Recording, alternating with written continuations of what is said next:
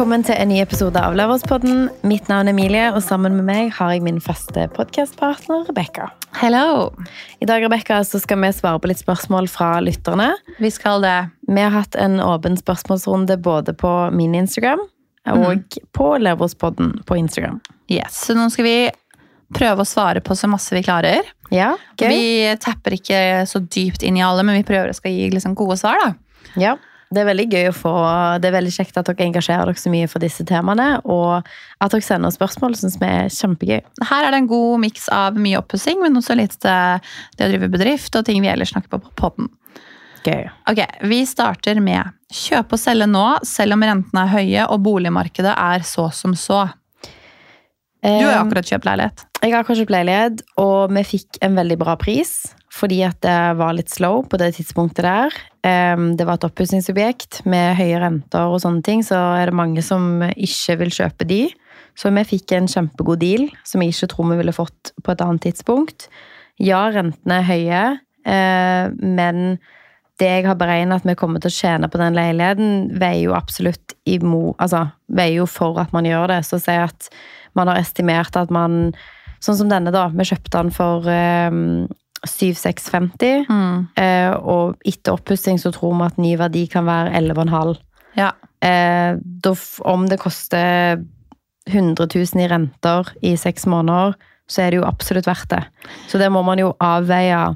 Er det verdt det i perioden? Og så tror jeg nå Nå skal vi legge vår leilighet ut for salg på søndag. Mm. Og boligtallene fra mai kom ut i går.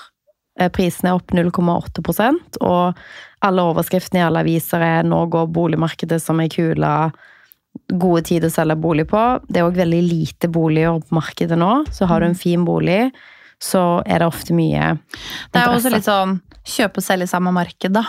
Akkurat nå så har vi jo faktisk kjøpt i et annet marked enn vi forhåpentligvis selger i, og det har vi gjort hver eneste gang. Ja, så dere har jo Vi har vært Ja. veldig heldige der. Nå har jo ikke vi solgt ennå, men det er alltid noen leiligheter som ikke går, uavhengig av om, om markedet er bra eller ikke. Det er jo de vi har peilet oss inn på. Så tror jeg det har liksom litt å si på i hvilken leilighetsklasse eller kategori man er i. Mm. For jeg tror Jeg har mindre leilighet. Eh, og de, liksom de leilighetene som jeg Min leilighet, da. Det er flere kjøpere kanskje på eh, en sånn leilighet kontra en som dere har, fordi den er høyere i verdi, den er større, så på en måte Det er jo fortsatt mange som kan kjøpe og selge disse leilighetene, men man må også øh, evaluere liksom hvilken kategori du befinner deg inn under, tenker jo jeg. Uten tvil. Og de, Altså. De veldig små, altså de som er sånn under 30 og mellom 25 og 35, de går jo som bare det.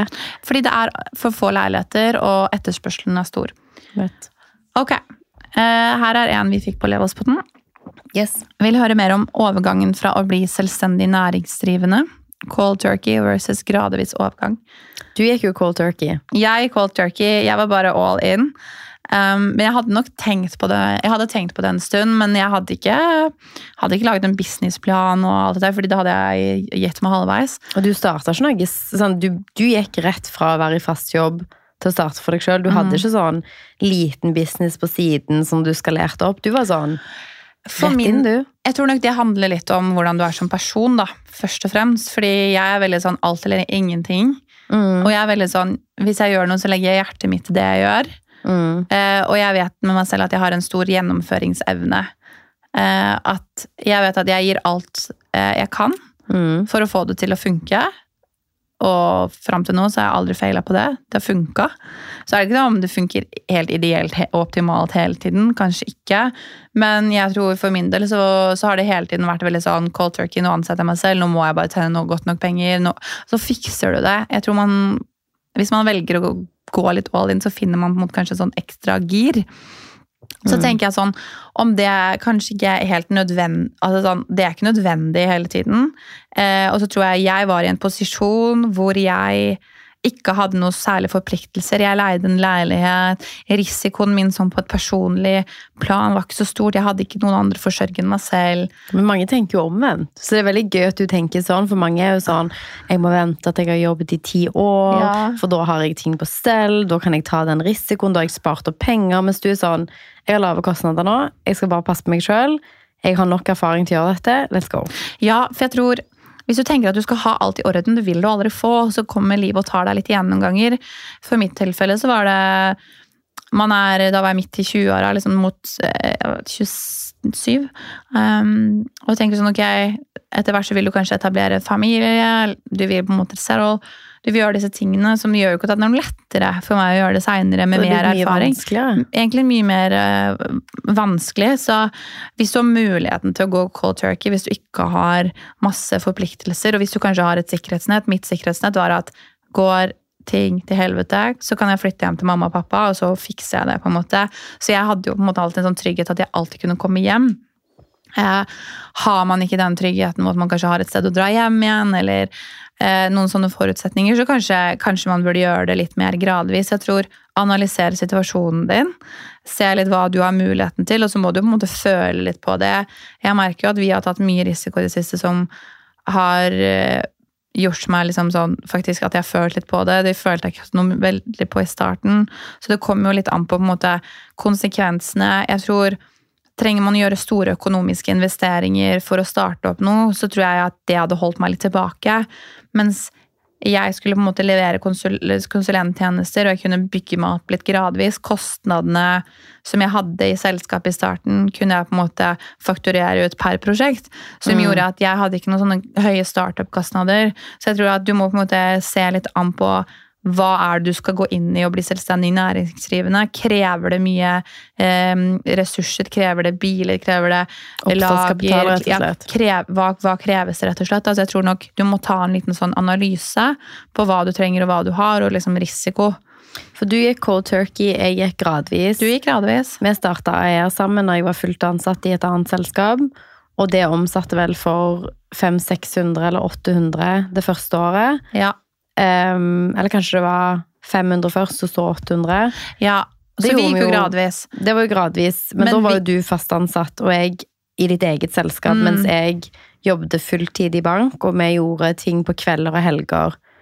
Og utover at vi gjorde det på siden, så drev jeg og solgte og kjøpte leiligheter. Så jeg var jo veldig sånn gradvis dypte tåa mi inn i det. Og da tenkte vi jo egentlig sånn, ja, men det her kan vi jo ha som sideinntekt for alltid. Og Ja. så balla jeg på seg, og plutselig så hadde vi en jobb til 500 000, som da var hele årsomsetningen for fjoråret, og da var vi sånn, shit, dette her kommer til å kreve mye. Ja. Og vi så at Beckard hadde potensial til å bli enda større, Ja. og eiendomsprosjektene balla òg på seg, og da ble det litt sånn, da gikk det fra å plutselig være en langtidsplan til å være sånn der Da ble det nesten litt cold turkey. Da var det sånn jeg sier opp om én uke. Da ble, da ble det cold turkey, men jeg tror, jeg tror eh, det som var eh, Vi kunne nå gått inn der og gjort cold turkey med en gang hvis vi hadde, hvis vi hadde vilt det. Du så jo på en måte hvis vi hadde jobba med det som en fulltidsjobb, så hadde det ikke vært noe problem. Men da var det på en måte sånn situasjonen tillot seg ikke å gjøre det. Du hadde din jobb, jeg hadde min jobb. Det var ikke det som var på en måte hensikten vår da. da. Men Da sånn, tror jeg òg at jeg hadde slitt med å bygge opp det jeg har gjort i eiendom. Fordi deler av det vi har gjort og fått til der, er jo fordi at jeg har hatt en sikker og stabil jobb som har gitt meg høy finansiering. Så da tror jeg nok at det hadde nok skorta litt på den, men jeg er veldig glad for at forløpet var sånn som det var. ja. Det var liksom ikke planlagt at det skulle skje så raskt, og så ble det sånn. Men syns du, syns du det var skummelt? Eller hvordan følte du, liksom, Hvis du skal tenke litt sånn, sånn der, Da hadde du vært litt sånn gradvis, og så bare ok, nå hopper jeg i det. på en måte, Nå er det ikke noe å tenke på lenger. Det føltes så sykt rett, Rebekka. Jeg har aldri sett tilbake en eneste gang og tenkt at jeg angrer på det. Nei. Altså, det føles så bra og så riktig. at sånn, Det øyeblikket jeg sa opp, så var jeg sånn Man er trist fordi man kommer til å savne veldig hyggelige kollegaer, men det var Det føltes så riktig. Og det var sånn med en gang vi starta, så var jeg bare sånn Dette er så riktig. Ja. Og det var liksom Ok, det var rart å gå fra liksom Excel og eh, prosjektregnskaper og budsjettering og snakke om sparing og fond og alle disse tingene til plutselig så sitter vi og leier ut eh, eh, flamingoer på tre meter høyde til en festival og skal bygge TV-sett og skal på en måte lage pyroshow på åpning av Colosseum. Altså, det var så mye forskjellig, men det var liksom så spennende. Men det som jeg husker også som var litt deilig, da, eh, var jo at nå kunne hele vår på en måte eh, tid i døgnet gå til å være bygge noe sammen. Mm. Så det var ikke sånn at AIR er et godt eksempel, så følte jeg at jeg hadde alltid litt sånn vondt, for jeg følte ikke jeg dedikerte nok tid til det. Samme. Fordi det var veldig mange andre ting som tok tid, en annen jobb. Eh, og det tror jeg kanskje kan være problemet for mange hvis de velger å gå veldig sånn gradvis inn i det, er jo at eh, du gir ikke Alt. alt. Mens da var det sånn åh, nå slipper vi å være distrahert av noe som helst annet. Jeg kan fokusere alt på det. Og så skifter kroppen og mindsettet og på en måte hvordan du gjør ting, fordi alt skal dreie seg om det. Og det tror jeg på en måte, hvis du gjør det gradvis, så, så må, du, må du alltid fordele deg litt. Og det var jo litt derfor vi gjorde det vi gjorde, at vi sa ok, nå begynner vi å fordele oss for, for tynt, rett og slett. Eh, ting krever for mye tid som ikke vi har. Nå må man ta en avgjørelse på det. Så det her tror jeg vi kunne snakka i det vide og breie om. Men jeg tror Se an situasjonen, se an markedet, se an eh, hva på en måte oppstartskostnaden din er. Og så må du jo også sånn, Det er en, det er en liksom et personlig, altså sånn, en personlig følelse på det. For jeg tror jeg kontra en på gata kanskje ville hatt en helt annen approach. Litt etter hvor mye risiko man kan og tør å ta på seg og er komfortabel med, rett og slett. Jeg vet at jeg er ikke ukomfortabel med å ha 50 000 i kredittkortgjeld, f.eks. Hvis, hvis jeg vet at jeg klarer å dekke det inn. Og jeg har ikke noe problem med å ha det noen uker eller en måned, for jeg vet at jeg klarer å tenne det inn. Men hvis noen syns det er veldig ukomfortabelt og vet at liksom, du må gå liksom fram og tilbake, så kanskje ikke, da. Det er jo liksom sånn, Jeg tror også at det, det slapp veldig med den der samvittigheten. For jeg Ja. hadde sittet med liksom dårlig samvittighet, og at jeg ikke følte at Selv om jeg gjorde jobben min bra i den forrige jobben, så følte jeg at liksom sånn Når andre vet at du gjør veldig mye annet, Ja. og de vet sin egen kapasitet, og du vet liksom hvordan du får gjort ting Så det var bare liksom sånn fint å slippe det der at Gjerne at andre tenker sånn, å, får du tid til alt det, og liksom skorter det på din faktiske jobb fordi at du gjør så mye annet, og selv om Ja. jeg visste at jeg ikke gjorde det, så var det digg å på en måte bare vite at, vet du hva, det er faktisk, nå har jeg kun dette som ansvar, nå har jeg full frihet til å gjøre de tingene hele tiden. Ja. Så kort fortalt, gå cold turkey, eller dypp tåa inn, og så gå cold turkey. Godt svar. Ok. Eh, da kan vi ta neste spørsmål. Ja. Leser dere ofte DMs eh, på Levels-podden på Insta? Den har jeg kommet til deg. Eh, ja og nei, fordi vi leser det, men noen ganger så kommer det opp i um, sånn request, og da får vi ikke varsel på det. Så jeg prøver, det og så, for- ja, og så prøver jeg å gå inn og sjekke. Uh, og så skal jeg være helt ærlig at hvis jeg får noen spørsmål noen ganger, så må vi uh, tenke på det, eller tenke vi skal ta det inn i studio. Så har det forsvunnet fordi det har gått for lang tid. Så det må vi bare beklage. Eh, men vi skal bli bedre på å følge opp. Vi leser det alltid, og det er derfor vi også tar det opp. Men um, Send gjerne flere, men vi leser DMs på Insta. Det gjør vi absolutt. Og Vi vi, får det. masse lange, fine meldinger som har lyst til å tenke over gode svar og svare ordentlig på. Ja. Og da av og til så forsvinner meldingene. Så Og det tar bare noen ganger litt tid, men vi, vi ser det. vi ser alt. Så send gjerne DM. Ja. Uh, ok, den her tror jeg er til dere, Emilie. Eller til dere, til deg. Hva heter de hvite 3D-flisene med rille på deres nåværende bad? Eh, de er fra Modena. Jeg er litt usikker på om det er Marazzi som er produsent, men de er i hvert fall tilgjengelig på showroomet til Modena, annet på Alnabru. Men eh, de har vel et par versjoner av sånne fliser, så det er ganske enkelt å finne de når du er der. Jeg tror ikke de har det på nettsiden sin. Men eh, ta en titt der, så finner du de raskt. Yes. Det her er enda et spørsmål til deg. Ok? Savner du dine kollegaer i Danske Bank? Ja, de var veldig Jeg hadde fantastiske kolleger i Danske Bank. Eh, tror faktisk aldri jeg har sagt at det var der jeg jobbet, men eh, eh, det var et veldig, veldig bra team. Hadde utrolig gode ledere opp gjennom de årene jeg jobbet der, og utrolig mange dyktige folk som eh, Det tror jeg er den verste tingen med å si opp en jobb, at man virkelig savner miljøet Kollegaene. og kollegene. Så Ja. det gjør jeg absolutt. Eh, oppfølgingsspørsmål. Er du fornøyd med nåværende kollegaer? Veldig. Jeg tror at sånn det miljøet som Før så jobbet man jo på en måte med å skape en drømmejobb i en plass hvor du liksom ikke kunne forme så mye, og jobben vår nå er jo å skape vår egen drømmejobb og vår egen drømmearbeidsplass. Og det har jo vært fantastisk. Vi har jo på en måte fått bygd et team, og vi har det veldig gøy på jobb. Både meg og deg, men òg teamet vårt. da. Teamet vårt, ja. Ok, her er det noen eh, Nå skal vi ta noen oppussingsspørsmål. Ok? Hvordan beregner dere hva det vil koste å renovere en leilighet før dere kjøper den? det er liksom eh, Det er fingeren ut i lufta og kjenne på vinden, skulle jeg si. Der må man bare Altså, man lærer jo etter hvert som man gjør det. Ja. Og så har jeg sånn cirka Så jeg vet at ok, hvis vi skal ha et Ikea-kjøkken med steinbenkeplater, eller Ikea-kjøkken og noen andre fronter pluss stein Jeg vet liksom ok, det er ca. 150. Mm. Eller si at kjøkken og hvitevarer er 120, arbeid er 50. Ok, all in 170 på ca. den og den kvaliteten. Eller oppussing av et bad nesten uavhengig av størrelse, med noen fliser, Ja. er rundt 250-300. ja. Jeg vet liksom cirka priser. Det tror jeg også. Jeg tror det er litt lurt å, i hvert fall i startfasen, hente inn litt uh, ulike pristilbud. da. Mm. Uh, og så tror jeg det, er, det har jo veldig mye å si om du skal gjøre veldig strukturelle ting, eller om du skal på en måte gjøre overflateoppussing. Skal du rive en bærevegg, så er det sånn ok, Mm. det koster ca. 110 120 000. Og da er det mye av det som går til å søke til plan og bygg, blant annet. Du Og så tror jeg, tror jeg veldig mange som glemmer sånn som elektriker, rørlegger, sånne type, og monteringskostnader, hvis man ikke skal gjøre ting selv. Som ofte får du et tilbud på en måte et bad, man, eller kjøkken, og så glemmer man monteringskostnader, eller eh, man glemmer å ta høyde for at elektriker må inn, som er på en måte kanskje kostnader man kan gå, gå på en smell på. Så tror jeg jo også, som du sier, at um, du vet cirka hva ting koster uansett om størrelse på bad, fordi om et bad skal gjøres på om det er et stort eller lite bad, så skal man full, altså sånn, fullrenovere et bad, så må man gjøre noen ting uansett, og det koster penger, så er det kanskje bare flisen og liksom sånn materialer man må på en måte øke litt på, da. Men igjen, sånn som liksom maling, man må, man må se litt hva ting koster per kvadratmeter, og så kan man gjøre noen grove utregninger på cirka hva det vil koste. Uh, men jeg tenker jo sånn som du har brutt ned noen ganger, hvor mye eksempel den første leiligheten din kosta å pusse opp, og hvordan dere pussa det opp, og hva slags ting dere tok på budsjett. Så der anbefaler jeg å høre på noen av de tidligere podkastepisodene i forhold til hvordan dere pussa opp leiligheten, og hva som er viktig å tenke på. da.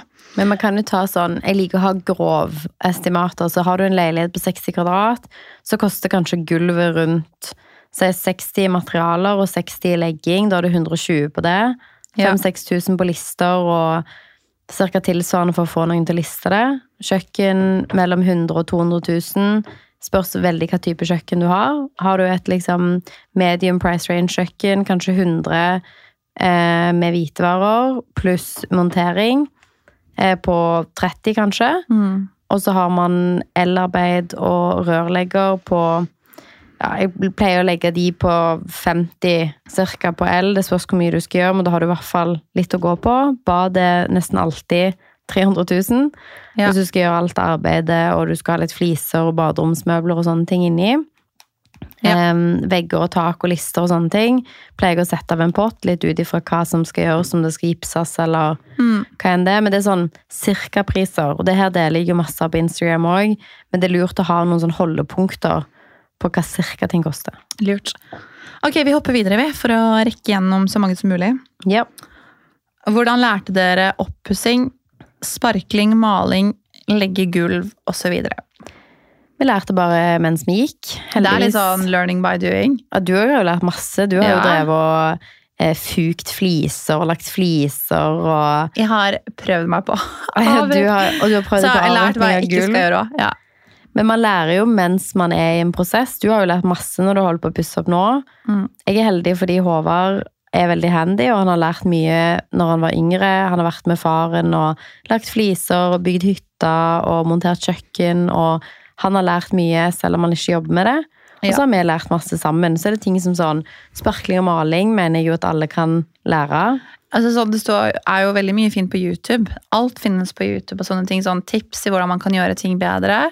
Eh, Absolutt. jeg fikk også kjempemasse hjelp av pappa. Pappa er veldig handy. er jo. Og jeg har også to kompiser som har vært snekkere, som jeg har lært en del av. Sånn, jeg må jo ærlig innrømme at jeg liker jo ikke å gjøre alt sånne ting, men sånn maling og sparkling og sånn syns jeg er veldig sånn terapeutisk og kan gjøre. Men jeg syns det er gøy å lære å kunne forstå det. Og jeg tror eh, om man gjør jobben selv eller ikke, så prøv å sette deg litt inn i det. For det er jo også veldig sånn, hvis du skjønner hva, ting skal, hva som skal gjøres, så skjønner du også hvor mye jobben krever når du setter det bort. Sånn som i tilfelle så har jo dere også satt bort en del sparkling og maling og sånn. Og det er jo fordi dere ser at dere sparer både tid på en måte på å sette det bort til noen andre som er bedre enn dere. Men da vet dere også godt hva det koster. Absolutt. Eh, og har litt sånn, Så lær mye, og så tror jeg man, det er jo en ting vi også sier, at det du kan gjøre selv, eh, sparer du også penger på i forbindelse med oppussing. Sånn riving, bæring av materialer, ting som på en måte ja, Riving av bærevegger må man jo kanskje ha litt ting, men du kan jo rive opp gulvet og kanskje gjøre disse tingene selv, da. Det er masse Eh, ting du kan gjøre sjøl. Sånn som for på søndag så sto vi i leiligheten og reiv Jeg tror det var fire lag med gulv og fire Mhm. lag med vegger. Og på det ene rommet så brukte vi jo en hel dag på å bare komme oss igjennom. Og da har man jo avfallshåndtering, bæring ned av søppel, selve rivingen. Og hvis du tenker deg at du skulle vært to mann, da, som du betaler 400-500 kroner i timen, eh, pluss moms, at da er det jo liksom Du sparer ganske mye på å gjøre den type arbeid sjøl, i tillegg til bortkjøring av avfall og sånn. Så prøv å tenke de tingene du kan gjøre. Du trenger jo ikke å lære deg å rive. Det klarer man jo. Å bære ned ting, kjøre ting bort. Prøv å tenke litt sånn lavterskel. Hva kan jeg begynne med? Ja. Ok, vi hopper videre. Jeg tror det ga ganske god eh, indikasjon ja, på det spørsmålet, i hvert fall. Så bra. Kjøkken fra Ikea versus et dyrt kjøkken når man kun skal flippe. Altså, Først og fremst må jeg si at Ikea har masse flotte kjøkken. Jeg har Ikea-kjøkken. Altså, det, det som du har, er jo superfint. etter Ja. Sinerp. Ja, og um, jeg tenker jo at selvfølgelig skal man flippe, så har, så syns jeg jo selvfølgelig at man ikke trenger å kanskje ta det dyreste kjøkkenet, men jeg tror det er også viktig at man lager et, et hjem eh, som folk vil bo i. Så jeg tror uansett om man velger et dyrt kjøkken eller et Ikea-kjøkken, eh, velg noe med fin finish som på en måte Tenk design. Ja, tenk design. Altså, altså mitt, eh, mitt kjøkken er kanskje det dyreste Ikea-kjøkkenet. Grunnen Grunnen til at jeg valgte det, var fordi at Ikea altså sånn, Kjøkkenet som var der fra før, var Ikea, så jeg kunne bytte frontene. Som var en veldig sånn mye rimeligere oppgradering enn å bytte hele kjøkkenet. Mm. Og det vet jeg hva veldig mange kan gjøre. Og så tror jeg jo at selvfølgelig Det kommer jo igjen på kvalitet. Mm. Eh, veldig mange som driver med flipping, som gjør sånn fast flipping, som på en måte tenker det billigst som mulig. Jeg tror ikke det på en måte nødvendigvis gir den best, det beste salget. Og jeg tror du er et godt eksempel på det, fordi du flipper jo leiligheter nå, men når du starta på en måte å komme inn i den med å på en måte flippe en leilighet, så flippa du for å bo der. Og en av de tingene som du tjente penger på, var jo fordi du valgte eh, kjøkken, fliser, eh, møbler, ting med god kvalitet, fordi du skulle skape et hjem du ville bo i.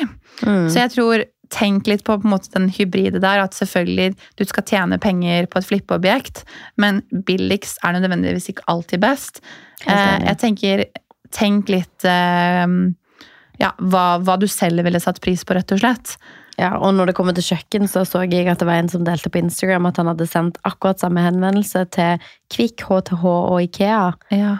Og eh, hva tror du kom ut som billigst, og hva tror du som kom ut som dyrest? Kvikk, HTH og Ikea. Eh, jeg tror HTH har kommet som dyrest, Kvikk som billigst og Ikea midten, kanskje. Det var det jeg jo trodde. Men det var dyrest Eller billigst HTH. Hæ? Ant billigst Kvikk. Og dyrest, hold deg fast, Ikea. Jeg tror at man at Ikea har bygd seg opp og sånn, å, alt er billig på Ikea, og så ser man nå i ettertid at det ikke er det. Jeg så det for eksempel, jeg skulle kjøpe, jeg var på Ikea i stad. Jeg var på Ikea tre ganger i stad, Du har vært. Ikea tre ganger. Yes. Og så var jeg sånn, å, jeg drar på Ikea og kjøper noen potter der, fordi det er mye billigere. Mye billigere på plantasjen, eksempel. Mm. Eh, plastikkplanter. Eh, ikke nødvendigvis, det var liksom like billig der som på bohus. Så det var sånn Flott med IKEA at du kan få veldig masse av det. Jeg skulle ha 36 potter, eh, som kanskje ikke du hadde fått på Gisk da, eller Kid, eller hvor enn man handler det. Eh, men på IKEA så kan du få mange ting, men det er ikke nødvendigvis billig. Så det tror jeg at er litt sånn fint nå, at du kan få andre typer kjøkken som måtte kanskje både er bedre og like fine som IKEA. Absolutt. og det er sånn jeg tror Shopp litt rundt. Det som er med Ikea, det er jo også veldig tilgjengelig. Det De er har sant. kjøkkenplanleggere, de har mye som er in stock, så du slipper å bestille. Men det sjokkerte meg veldig at HTH var billigst i den, fordi det er gjerne litt høyere terskel. Du må ta kontakt med kundeservice, du må booke en time.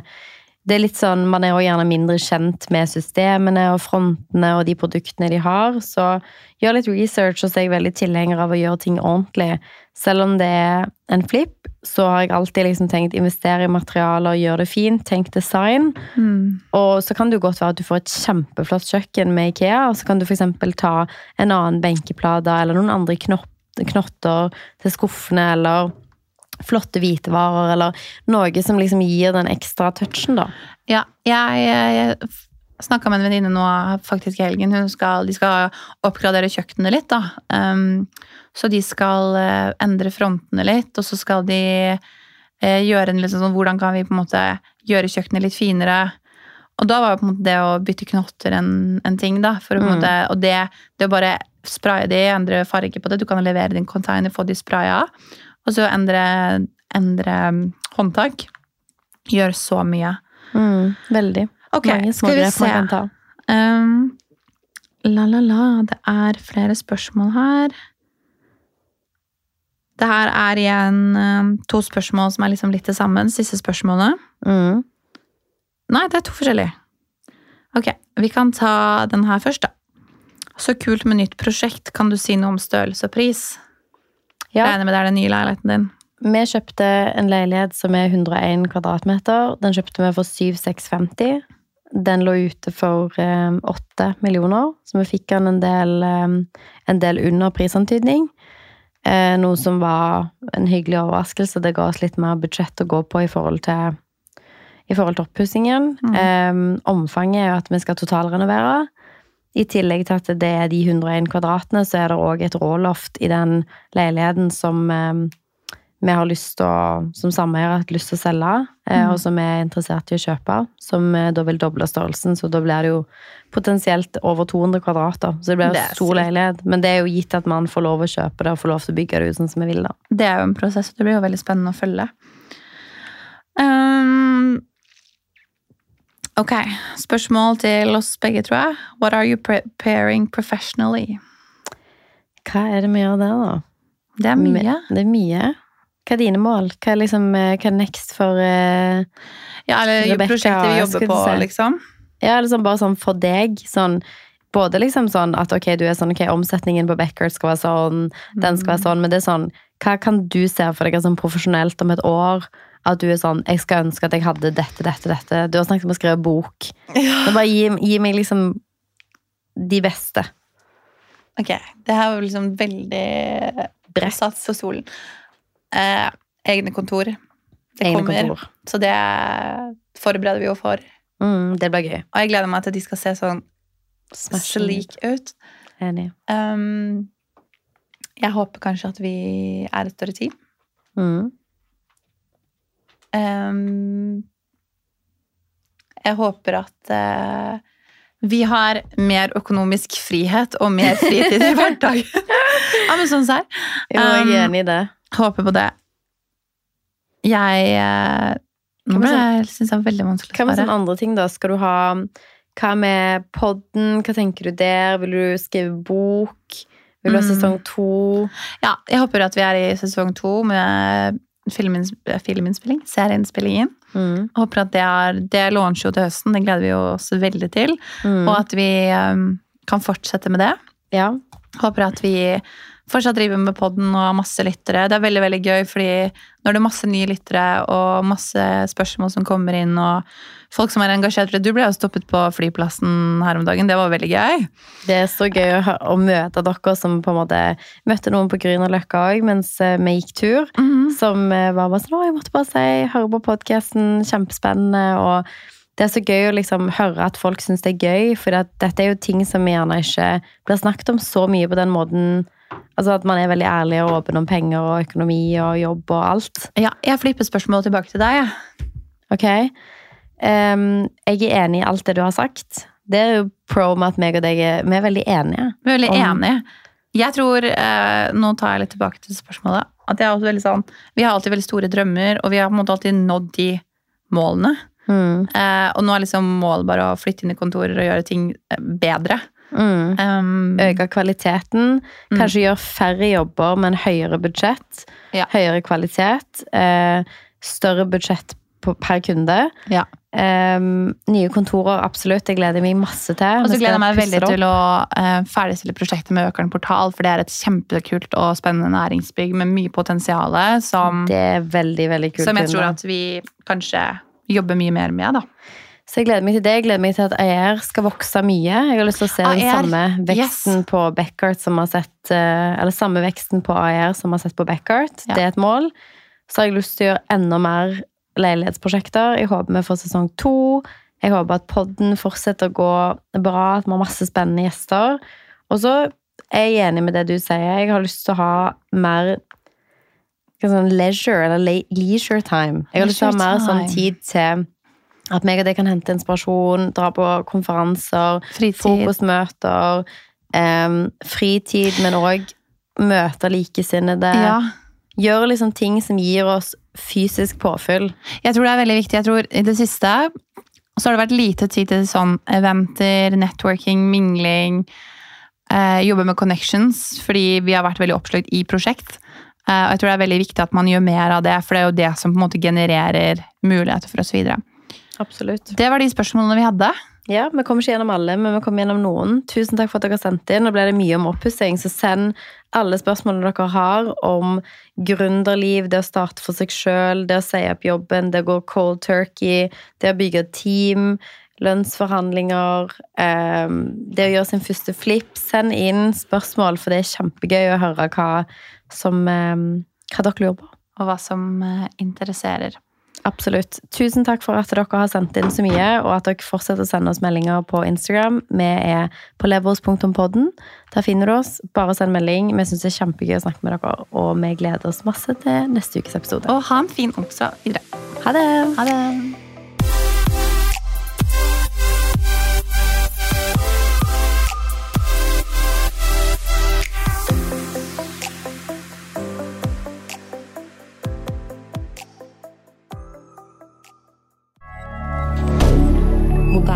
Twitter.